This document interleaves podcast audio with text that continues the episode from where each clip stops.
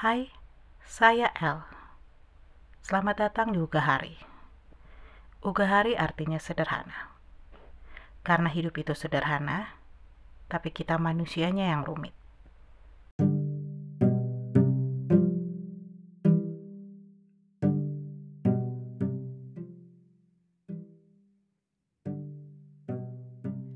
Berhenti membiarkan dirimu dikelilingi oleh orang-orang yang tidak mendukungmu. Beberapa waktu lalu, saya membaca kutipan tersebut di Instagram. Lama saya memikirkan makna dari tulisan tersebut. Dalam kehidupan kita setiap harinya, terkadang kita menyadari kalau diri kita berada di lingkungan yang salah namun merasa tidak enak untuk pergi darinya.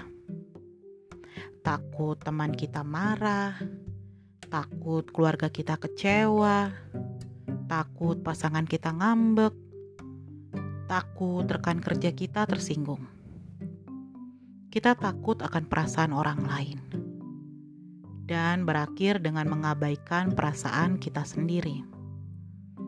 Bahkan yang lebih parahnya, kita merasa kita yang salah saat terjadi pertengkaran atau kesalahpahaman. Stop.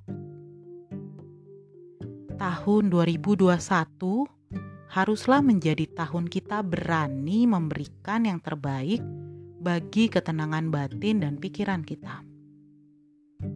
Membiarkan kreativitas kita berkembang tanpa peduli dengan penilaian orang lain Buat apa mempunyai lusinan teman, namun tak ada satupun yang bisa kita ajak menggila bersama? Untuk apa kenal dengan banyak orang, tapi saat kita terpuruk, toh hanya satu sahabat yang bisa kita percayai dan datangi. Belajar untuk memelihara hubungan yang sehat, yang saling percaya dan saling mendukung hubungan yang bisa membuat sayap kita berkembang, hubungan yang saling menghargai dan tidak sekalipun memandang rendah satu sama lain. Pasti sahabat Tuga Hari akan tidak terbiasa dengannya. Karena jumlah dari orang-orang yang demikian sangat sedikit dalam hidup kita. Tapi kamu dan aku tidak membutuhkan circle yang besar untuk menjadi pribadi yang lebih baik. Semakin kecil, semakin baik. Berbuat baiklah pada siapa pun. Namun, latihlah sekitarmu untuk memperlakukanmu dengan layak.